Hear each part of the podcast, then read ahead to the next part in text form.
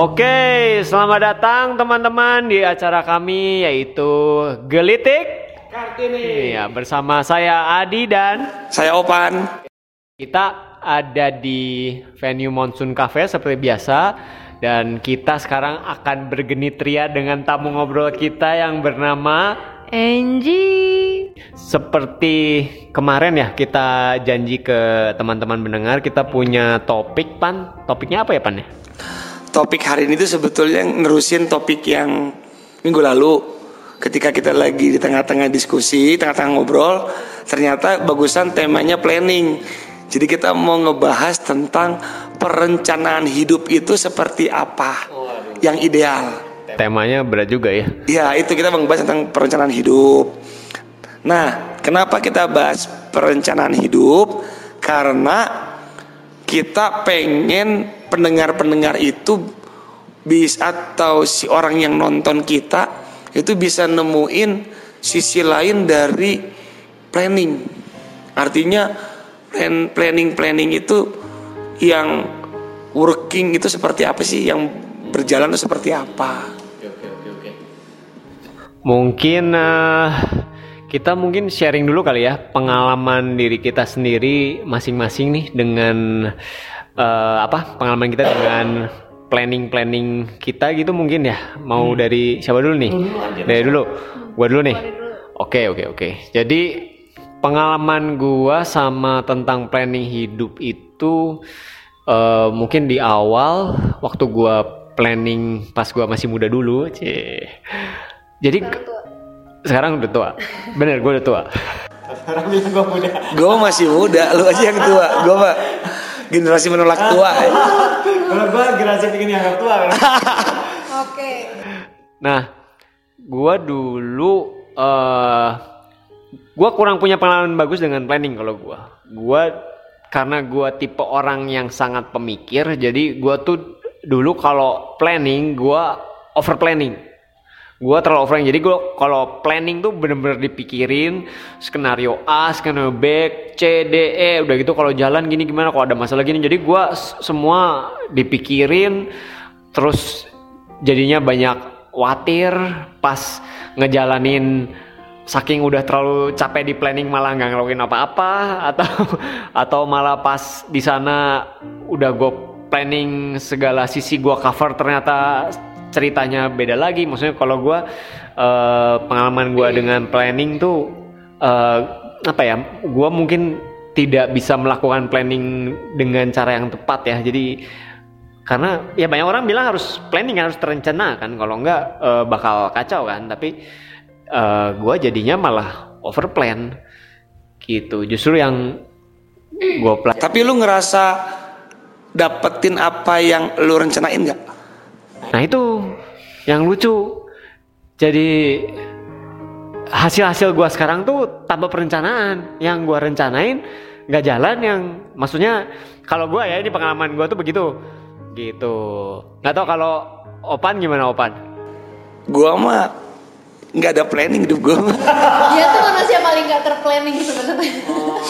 gue nggak planning bener gue. dulu nggak planning Nggak nggak ada planning.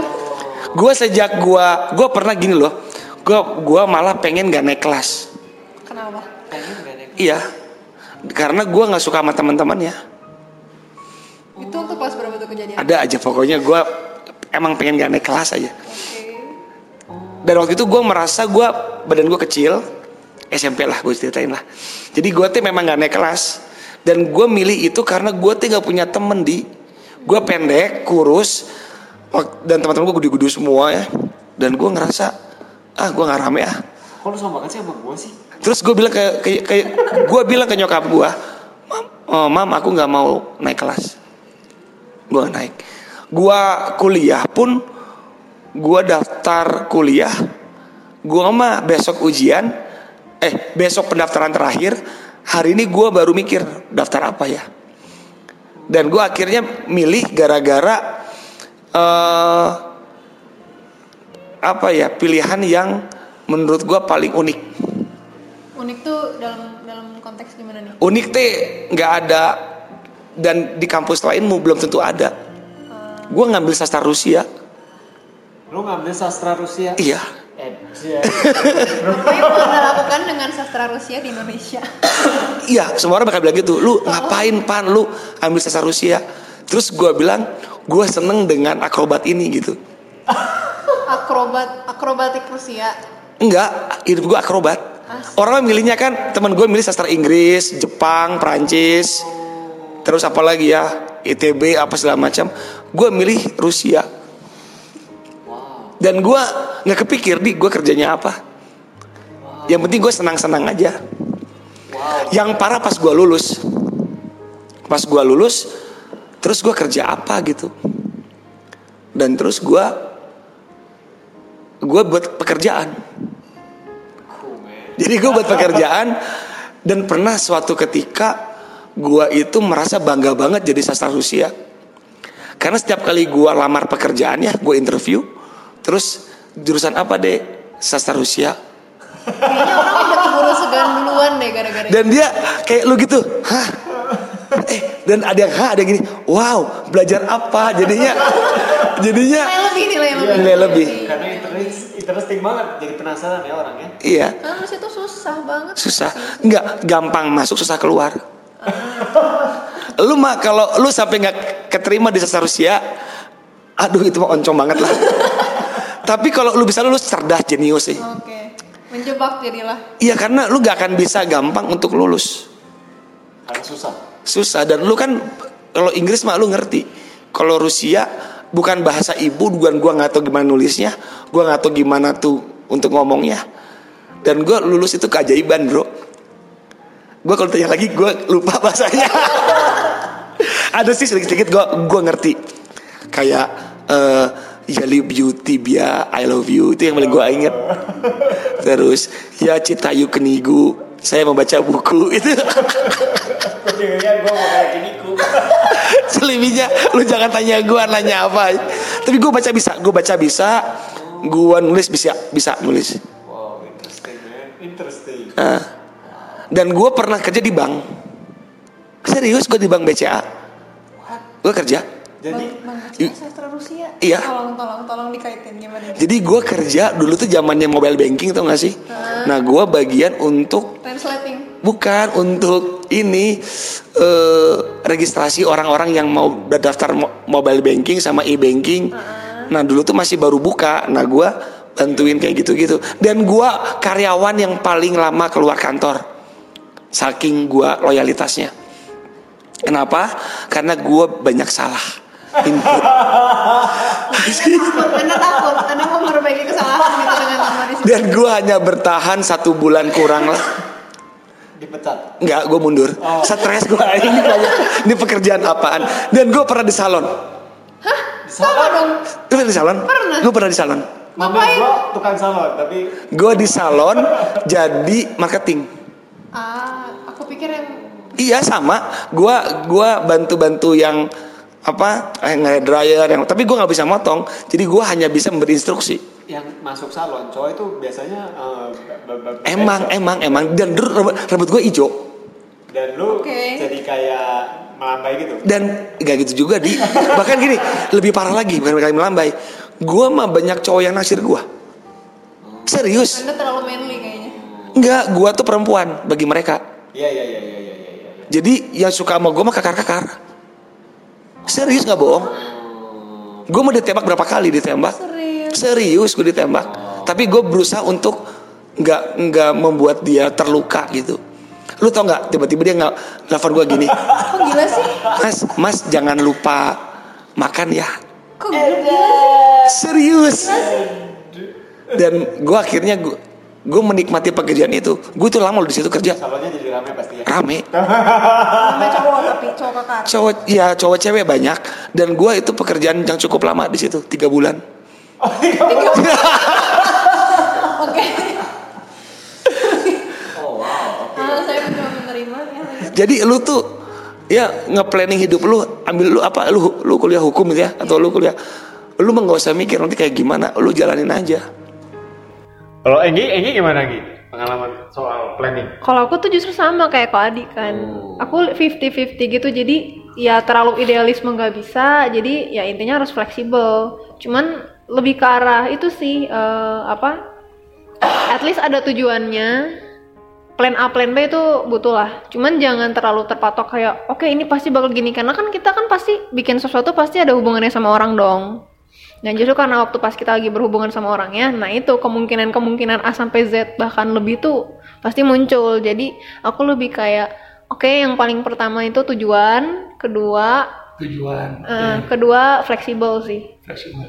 Plan A, plan B ya itu sambil Kalau jalan. tujuan mah bukan planning kata gua. Kalau planning itu lu punya untuk mencapai tujuan, lu mesti lewatin tahapan apa aja. Nah, kalau lu hanya punya tujuan dan satu lagi apa tadi lu bilang? Fleksibel. Fleksibel. Itu mah kan konsep kerjanya. Jadi bukan planning dan dia mah nggak nggak punya planning, gue yakin. Nggak menurut gue ya, sorry kalau gue ngejudge, tapi lu mah bukan tipikal planner. But at least aku tuh ada kayak plan selama seminggu gitu loh. Karak kerangkanya lah kasarnya. Itu planning bukan?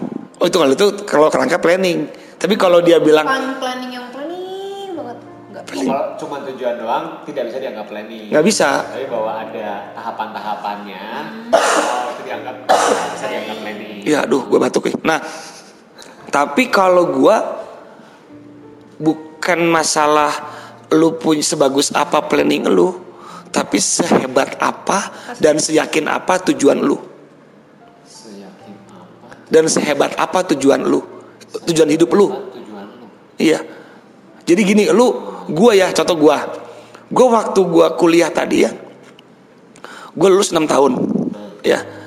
Karena gua di sekolah negeri, jadi masih rada enak lah waktu itu ya, bayarnya ya, nggak kayak di sekolah swasta. Nah, gua mah hanya punya planning gini. Eh sorry, gua hanya punya tujuan, gua harus bisa punya penghasilan dari yang gua suka. Jadi gue pingin dapat uang dari pekerjaan yang gue suka. Nah pekerjaan yang gue suka apa waktu itu ya? Waktu itu gue pingin banget jadi jurnalis atau ingin jadi eh, pemain dr- drama, jadi seniman lah, jadi artis gitu. Nah gue pingin dapat uang dari situ. Gue nggak mau dapat uang dari yang lain aja. Wow. Dan menga- dan ngajar gitu ya. Gue suka banget ketemu orang banyak, ketemu anak muda gue seneng. Nah itu itu tujuan gue ke situ dan gue yakin banget tuh. Nah itu gue yakini setiap hari terkabul. Jadi lu tuh yakin dan lu kerjain aja. Nah, gua tuh kan gue punya cita-cita bro. Jadi dari kecil eh gue punya inspirasi kan. Gua tuh terinspirasi sama ada film lu tau nggak ya? Dulu itu film namanya Pangeran Menjangan. Lu nggak tahu ya? Itu siar bener. Itu film. Biasanya kan yang kolosal-kolosal itu pasti Indosiar kalau nggak TV. itu Pangeran Menjangan nyeritain tentang sebuah kayak gundik pelayan di kerajaan yang nggak sengaja bisa temenan sama rajanya di di ceritanya tentang drama Cina gitulah apa? Dulu eh, dulu kan kalau zaman dulu kita kan banyak eh, serian-serian Cina kayak eh, apa sih? Pangeran Raja Wali apa? Pangeran Raja Wali. Gue mah anak milenial, gue nggak tahu asli. Lu, film lu? Nah anyway Eh, si nah dia itu jadi temennya raja tapi dia itu kan hitungannya Kasim tapi dia nggak nggak dap biasanya tuh Kasim tuh kan dipotong. Kasim tuh pelayan kerajaan di Cina. Oh, iya, nah itu tuh biasanya kalau mau jadi Kasim tuh dipotong kemaluan lu supaya ini kan cowok Kasim supaya nggak nggak apa nggak nggak nggak berhubungan apa badan dengan apa anggota kerajaan dan selisih kan nah cuman si Kasim ini bisa gimana caranya tuh nggak kepotong dan dia bisa teman sama raja dan jadi eh, temannya raja dan dia tuh istrinya banyak bro Nah, terus apa katanya dengan planning? jadi planning gua tuh dan dia tuh pi- dan- panjang-panjang. dia tuh hebat banget bro.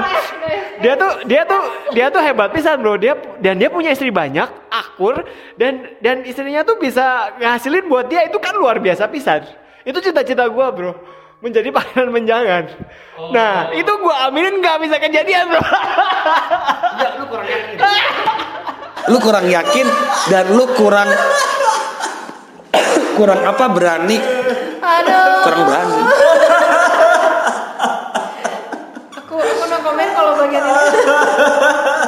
Mau nggak nggak nggak mungkin lu udah, udah dapat tujuan itu, tapi lu lepas lagi.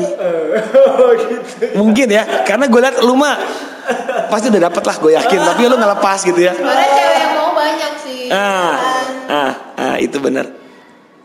Kalau lu eh, planning lu ngapain nanti? Aduh, lu lu ada nggak rencana ke depan lu pengen jadi apa sih cerita lu? Ya simpel cuman pengen nolong orang udah. Uh. Ya udah. That's it. Nolong orang doang. Iya nolong orang. Ih keren udah gitu aja tujuan mah. Jadi nanti tuh ajaibnya ya pas kita pingin nolong orang, ternyata jalannya tuh macam-macam loh. Hmm, ya. Bisa jadi eh, mungkin lu punya usaha, lu berkembang, lu natajir, lu apa segala macam, nolong orang.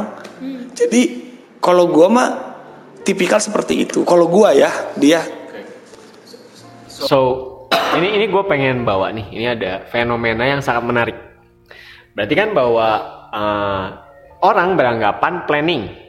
Maksudnya planning apa pun planningnya ya, da- dan bahwa mereka mempunyai sebuah tujuan, sebuah goal yang mau dicapai, betul? Nah, tapi yang jadi fenomena yang gue pelajari dan gue bingung adalah kenapa banyak orang yang sudah mencapai tujuannya, tapi banyak yang tidak bahagia dan depresi. Ini yang gue bingung.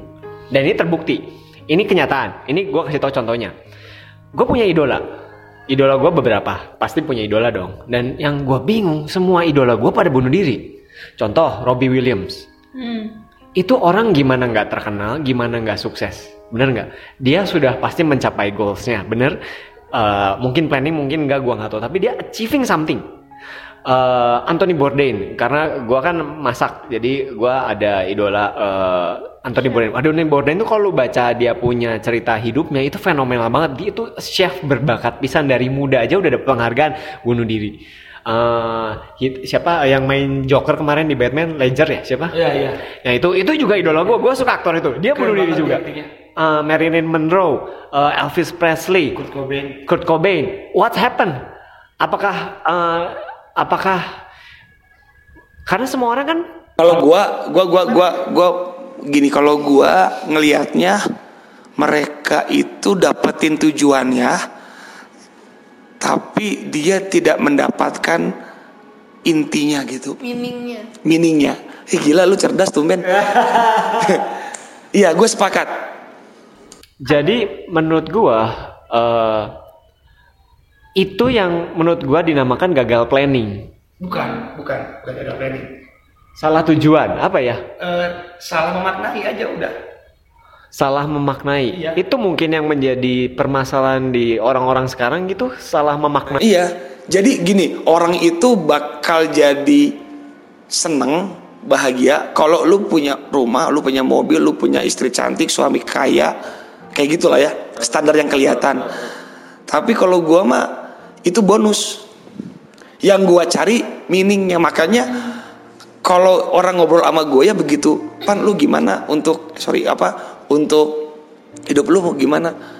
Nggak tahu gua mah hidup gua yang gua inginkan, yang gua pikirkan dalam hidup gua hari ini, ya detik ini ya, gua pingin ngebagi semua kemampuan gua untuk orang lain.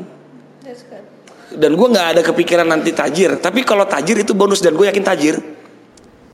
Nah, ini yang bingung nih, memaknai. Apa tuh memaknai? Apa? Karena Gini. Apa itu? Gimana tuh memaknai? Lu Lu punya usaha ya, kan sekarang kita syuting di cafe lu ya di di Monsoon. Nah, lu punya usaha ini, lu buat apa? Kalau lu buat cari uang, kalau gua mah enggak. Kalau gue ya, kalau gue punya usaha, gue pernah dibikin usaha eh, pertanian. Gue punya lahan sekian hek apa, ya nggak gede setengah hektar lah gue punya. Gue nggak mikir cari uang, gue rugi bro, rugi bro bener. Gue rugi sekian, adalah sekian rupiah, lumayan gede lah bisa untuk beli mobil. Tapi bahwa kalau lo nggak untung gimana lo bisa menjalankan bisnis supaya berjalan? Tapi gue seneng dan gue balik modal, tapi nggak dari pertanian. Jadi gue tuh kayak digantiin duitnya Di tempat lain. di tempat lain. Terus gue ngerti, oh ternyata gue gue masih gue, gue masih penasaran sih dan sama usaha usaha pertanian. Tapi ya gue gue nggak nggak ngerasa rugi. Gue masih seneng seneng aja. Orang-orangnya di sekitar warga itu ya, di kampung itu di daerah gua waktu itu bilang, aduh ah ini rugi sekian juta, ah udahlah kata gua. Karena lu buat lu untungnya bukan dalam bentuk uang, berarti untung lu dalam eh, melihat si warga desanya jadi temen lu itu. Oh. Kalau kalau yang gini, gue pengen dengar dari anak-anak milenial nih. Biasanya nih anak-anak milenial ini eh apa sih eh, tujuan hidupnya? Kalau teman-teman lu kan biasa tujuan hidupnya apa sih? Kalau teman-teman aku sih ya gitu eh, sukses. Palingan ngikutin eh, apa? Suksesnya gimana? eh, kayak mereka bisa bisnis kayak bisnis orang tua, terus orang tua mereka jadi dokter, mereka jadi dokter, kayak nerusin keturunan keluarga gitulah. Atau mau jadi advokat, dia juga jadi advokat. Eh, mau jadi notaris karena orang tuanya notaris juga ada, banyak yang kayak gitu. Cuman sih Berarti punya Apa? posisi. posisi bisa dibilang. Cuman kalau buat gue pribadi sih, ini buat gue pribadi ya. Hmm, mungkin yang menjadikan si orang-orang yang udah terkesan sukses itu tuh endingnya bunuh diri atau tetap stres atau tetap nggak happy itu karena ya selain meaningnya nggak dapet, dia tuh salah nempatin tujuannya dia gitu loh. Oke, so- sorry gue agak motong ya. Ini ini paradoks. Nah, gue suka yang paradoks paradoks gini, yang bertentangan. Robbie Williams ada dokumentari. Jadi Robbie Williams Inside My Mind kalau nggak salah, gue baru nonton di HBO Signature. Gue suka film-film kayak autobiografi gitu kan, dan gue penasaran banget kenapa Robbie Williams tuh bunuh diri. Dan lu tahu Robbie Williams itu kerjaannya kan pelawak. Tujuan dia itu membahagiakan orang lain dan dia itu bener-bener aktif dan sibuk menghibur orang-orang di tempat di mana pun dia bisa. Dia dia ke tentara-tentara yang perang di Irak. Kalau lihat itu dia dia nolong orang banyak. Dia tuh pengen orang semua bahagia. Gimana lo nggak memaknai coba? Kalau secara bahwa yang dia salah satu. apa? Dia nggak bikin bahagia dirinya sendiri. dia lu nonton filmnya? Enggak, gue mah ngebaca aja cerita itu dari omongan lu. Karena bagi gua ya, yang harus pertama kali bahagia gua. Tapi bahwa dia senang dengan membagian orang lain berarti kan dia menca- bisa membagian orang lain senang dong. Dia hanya priori- priori- prioritasnya orang lain. Kalau gua mah prioritasnya diri gua sendiri.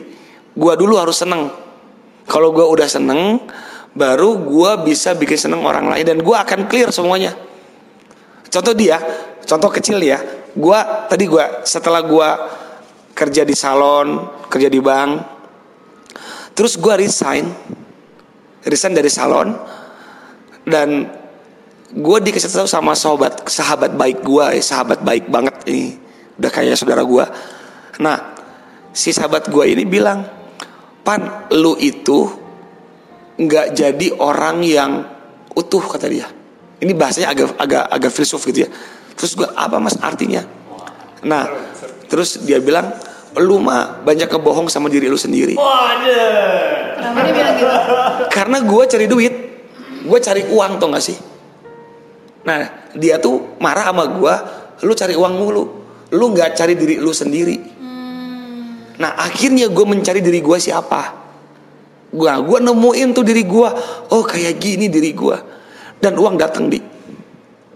Jadi gue nemuin oh si Opan itu orangnya eh, sukanya membuat sesuatu ada di panggung begini begitu dan gue nemu ya konstruksi diri gue si hepeng itu ya si cuan itu atau si duit itu Datang sendiri. datang bro Oke, oke. So, so ini gua simpulkan ya dari yang gua tangkap tadi bahwa kita sebelum sebelum planning, sebelum planning nih, ada yang lebih penting dari sebelum planning. iya benar benar Supaya planning itu efek- efektif. iya Supaya nggak gagal planning benar. Iya. Bahwa kita harus tahu dulu apa tujuan atau fungsi kita dilahirkan di hidup ini dikasih sama Allah itu untuk ngapain? iya itu itu paling susah itu tuh itu nggak semua orang bisa ngerti Betul.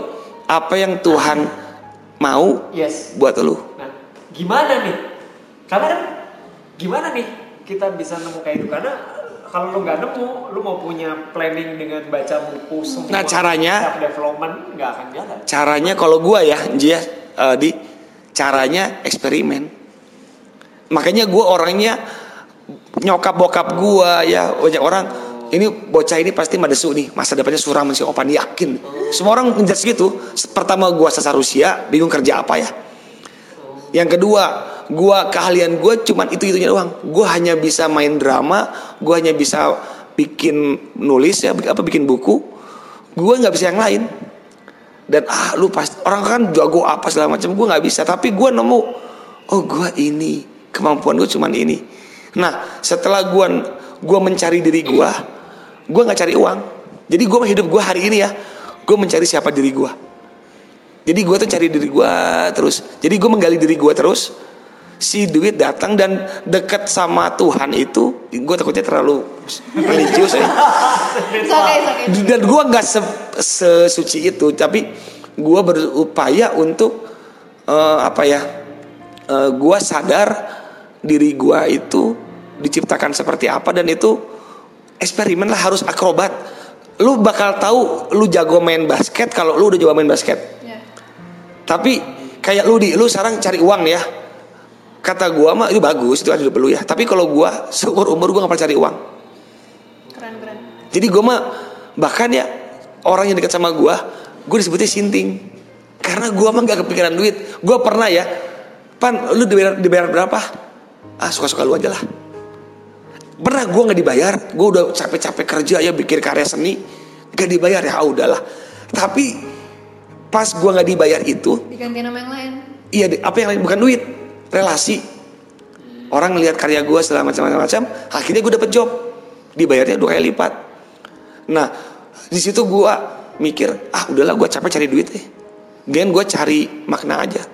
Dan itu memang agak bahaya buat orang yang baru eh, ngerti eh, sedikit-sedikit. Ini mah harus pertama dia harus mendalami bener diri dia siapa, terus sering akrobat sering salah harus sering ngaco aja hidupnya. Kalau dia semakin benar hidupnya gue mah yakin dia sedikit pengalaman. Ya benar. Menghidupi hidup lah kasarnya. Heeh, gitu bener jadi kalau lu kayak kayak lu lu jalan-jalan gitu ya. Gue nggak suka jalan-jalan yang eh, nanti jam sekian ke mana. Tapi gue tahu gue mau ke Bali dan nanti gue mau ketemu sama orang asli Bali. Udah aja gitu. Main aja gue pinjam sewa motor aing ke mana? Pergi ternyata pas balik Wih gila gue dapet teman banyak. Gue dapet relasi anu anu anu anu. Nah makanya buat lulu semua yang mikirin planning Ya nggak tahu ya kalau gue Coba lu temuin dulu diri lu sama dengan planning lu. Jangan-jangan lu cari duit. Ya ya mengetahui dulu sebenarnya yang sebenarnya lu mau itu apa, bener kan ya?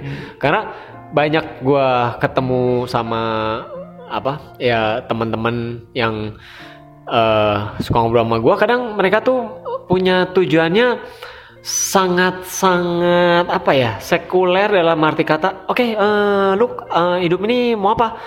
Mau sukses? Eh, kenapa? Gue tanya pas- pasti gue lanjutin maksudnya kenapa lu mau sukses? Eh, su- mm, supaya bisa beli banyak barang. Buat apa ya supaya nggak kekurangan. Buat apa? Kadang kalau gue terusin tuh mereka bingung. Gue tuh su- mereka sendiri nggak paham sukses tuh apa? Su- eh, sukses tuh kan apa coba sukses? Terlalu luas uh, uh, dan dan Relatif, relatif. ya dan orang-orang yang sangat-sangat terkenal di dunia yang sangat dikenal di dunia yang gua lihat dan dikenalnya tuh sepanjang masa adalah semuanya gue lihat orang-orang yang tidak berduit tapi mengorbankan dirinya buat orang lain. Ya Yesus atau uh, Mother Teresa Mahatma Gandhi. Mahatma Gandhi bahwa mereka dapat ya dikenang sepanjang masa di- maksudnya dibanding dengan orang-orang kaya siapa pun ya yang itu kayaknya lebih terkenal orang-orang ini kan? Ya kata gue sekarang juga di ya banyak ya gue ngerasa ya sebagian besar anak-anak muda itu dia tuh nggak tahu dirinya. Karena patokannya itu orang lain kesuksesannya. Heeh. Oh, idola gue kayak gini, Heeh. gue harus berarti Heeh. faktor bahagia itu punya mobil, Heeh. punya rumah, punya keluarga, sukses, kerjaan, mapan, udah Udah standar hidupnya kata gue lahir sekolah mati. kerja dulu Oh iya. nikah punya anak tua mati gitu flat dan gua mah sukanya nggak lurus gitu. Wah. Dan gue menikmati banget. Dan nanti kan itu tuh jadi apa ya jadi jadi pengak jadi hidup jadi guru. Nah kalau lu jadi gimana ya? Sebenarnya gue pengen cerita banyak ya cuman yang pasti kalau mungkin uh, Angie dapat gitu ya si poinnya. Apa Angie tadi lu bilang apa? Dapetin diri lu sendiri apa ngerti diri lu lalu minim Oke oke, ini gue potong nih ya karena em, gue kan sudah lebih lama menikah bener? Dan gue sudah punya anak, ya. Anak gue dua. Ya. dan pengalaman gue em, di di di fase hidup ini em, idealisme itu tidak bisa dipertahankan karena ada yang namanya kebutuhan hidup. Di, ini tuh gak ideal yang gue omongin hidup gak ada planning ideal Loh, Cuma yang penting happy. kita kan ngomong buat peserta. Bahwa ini kan berusaha membantu. Iya. kita bawa nah itu gue bilang bahwa gimana gitu. Karena adanya tuntutan yang eh, tanggung jawab di mana eh, apa sekolah biaya apa biarpun sebenarnya bahwa sekolah sendiri tidak menjamin ya. I know the point. Tapi bahwa you know what I mean Yes. ada kebutuhan yang harus dipenuhi yang yang di mana jiwa kita untuk berpetualang atau itu Iya. tuh uh, ada sebuah dan di mana kalau lo lo cowok ya kalau cewek itu mereka senang yang stabil nah Yang tadi yang tadi lu omong- omongin itu, lu tuh ideal. Satu. Hidup itu kenyataannya membosankan. Iya itu itu lu anak sekolah harus begini a- ada tuntutan anu anu anu anu. Nah justru gue mah ngelepas itu semua. Kalian tuh ibaratnya kayak yang ini tuh pelayar, yang suka Ah, yang ah. suka apa yang suka tapi karena Opan belum belum merasakan uh, nanti tuh datangnya uh, buntut buntut Ya. ini dia belum dapet Ya tapi kalau kalau dari gua ya, eh, ini pengalaman gua ya sekian puluh tahun gua hidup di bumi ini ya di planet bumi. Gua gua gua tahu apa yang lu pikirin itu ya.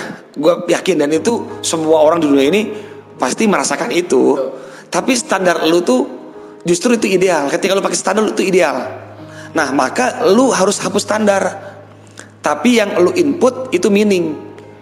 Ngerti nggak? Kalau lu sekolah, anak gua harus begini gini berkarakter, itu standar. Lu buang. Yang penting kenapa harus sekolah? Satu, anak itu sekolah ya kata gua ya, dia punya temen. Kedua, eh, dia ada aktivitas daripada di rumah gabut gitu ya. Udah sekolahin aja. Nanti perkara dia jadi pintar atau enggak mah, ya udah, alhamdulillah dia jadi pintar.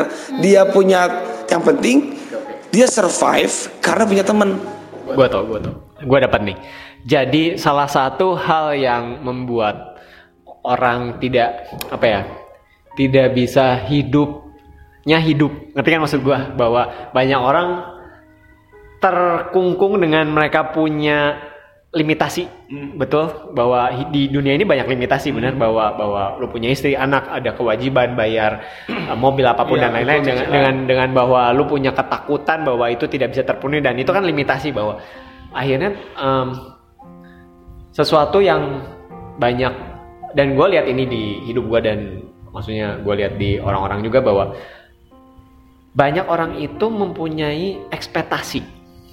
Ya. Sebuah ekspektasi yang eh, bahwa kalau gue bisa memenuhi sebuah standar A, standar A ini menjamin sebuah keberhasilan. Nah, itu. Bahwa sebenarnya Yes. tidak ada, betul, tidak ada. ada jaminan nggak sesuatu itu bagus atau tidak.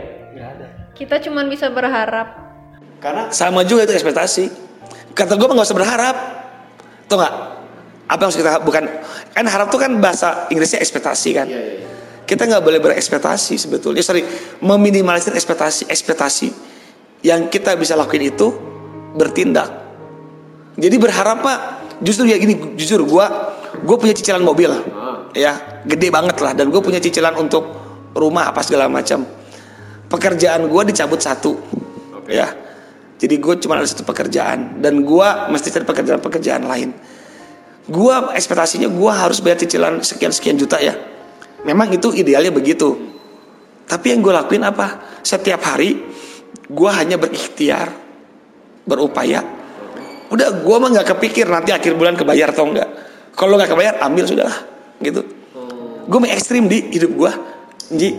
Tapi puji Tuhan ya, ketika gue berikhtiar itu setiap akhir bulan ya itu ajaib rekening gue nambah terus ada tiba-tiba pan jadi dong pembicara di sini pan lu ke sini dong lu ke sini tadi pagi gue cek rekening gue gue ternyata punya duit di salah satu koperasi dan gue udah lupa.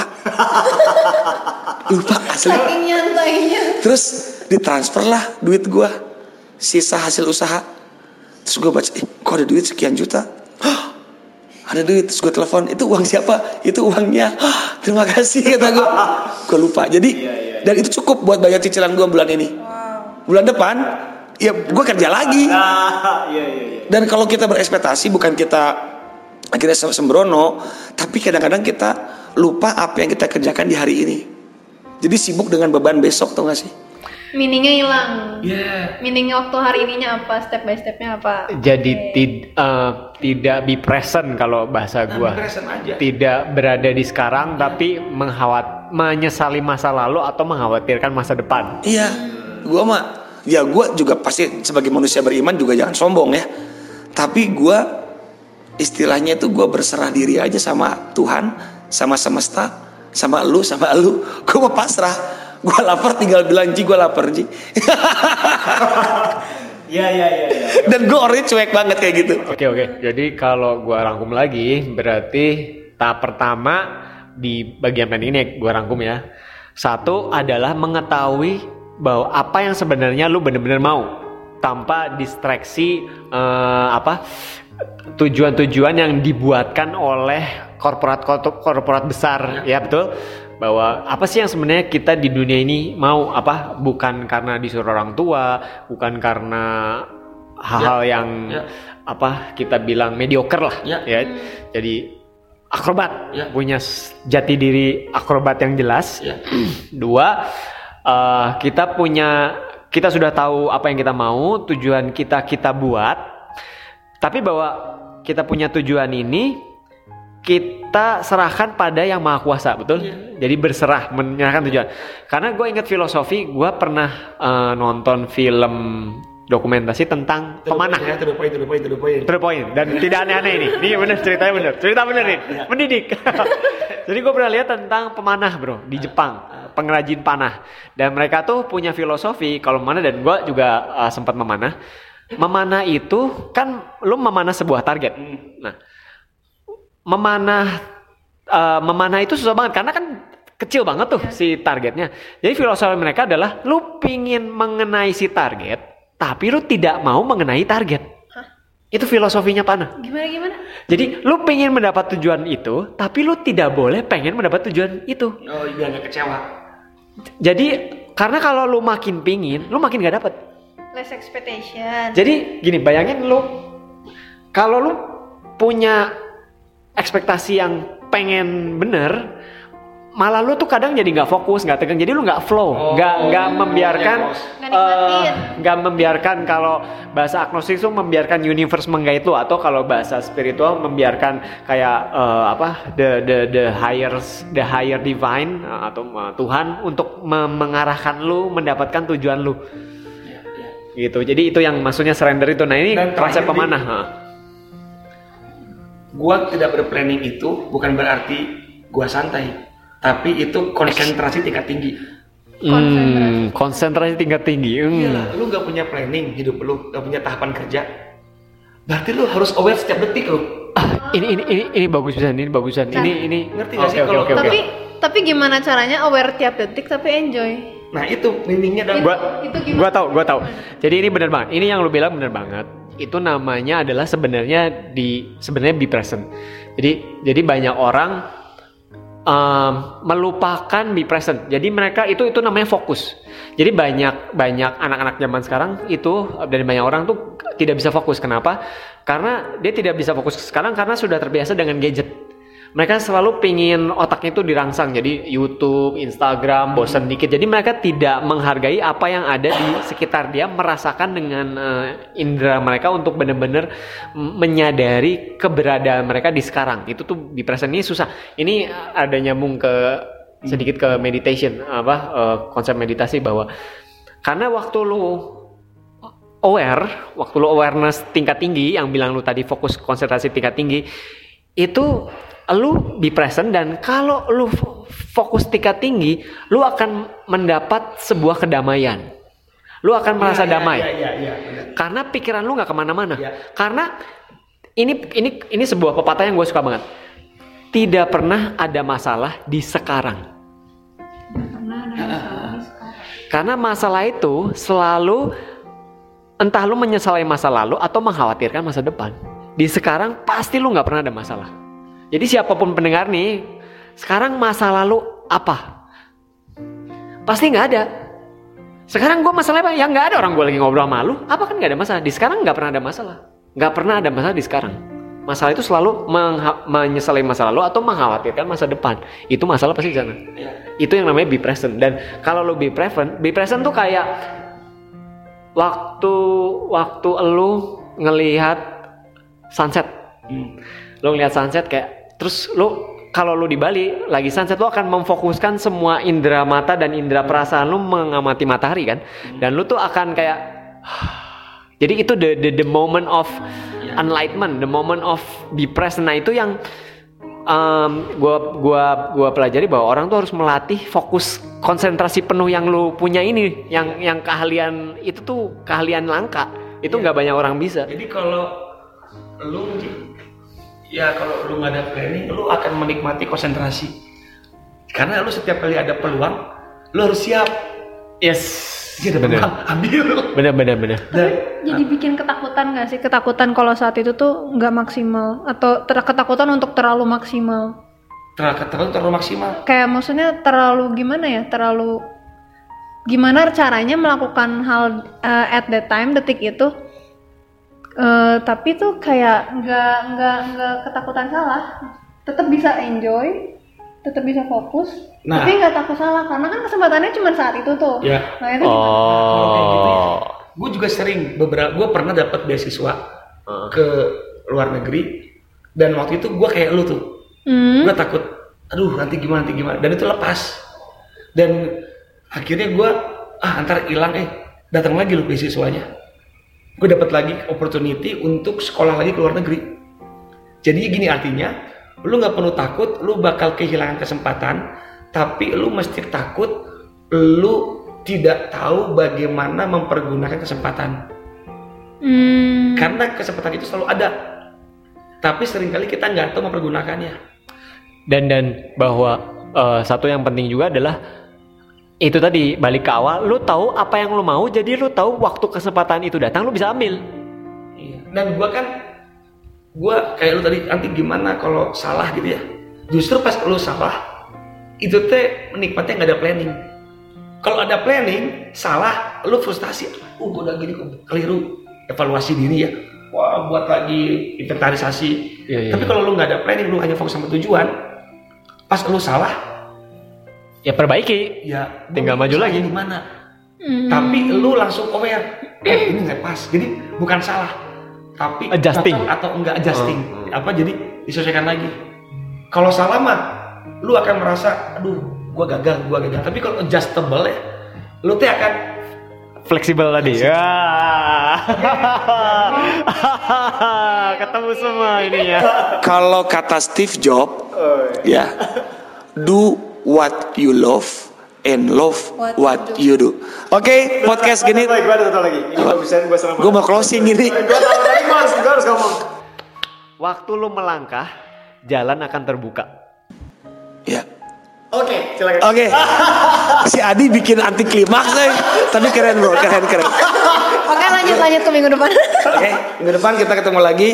Yang mau ngebahas tentang planning, silakan eh, apa komen. atau lu datang ke Monsun ya di BTC di Bandung. Lu cari Monsun dan lu bisa tanya kami berdua di sini ngapain. Lu boleh apa ngapain?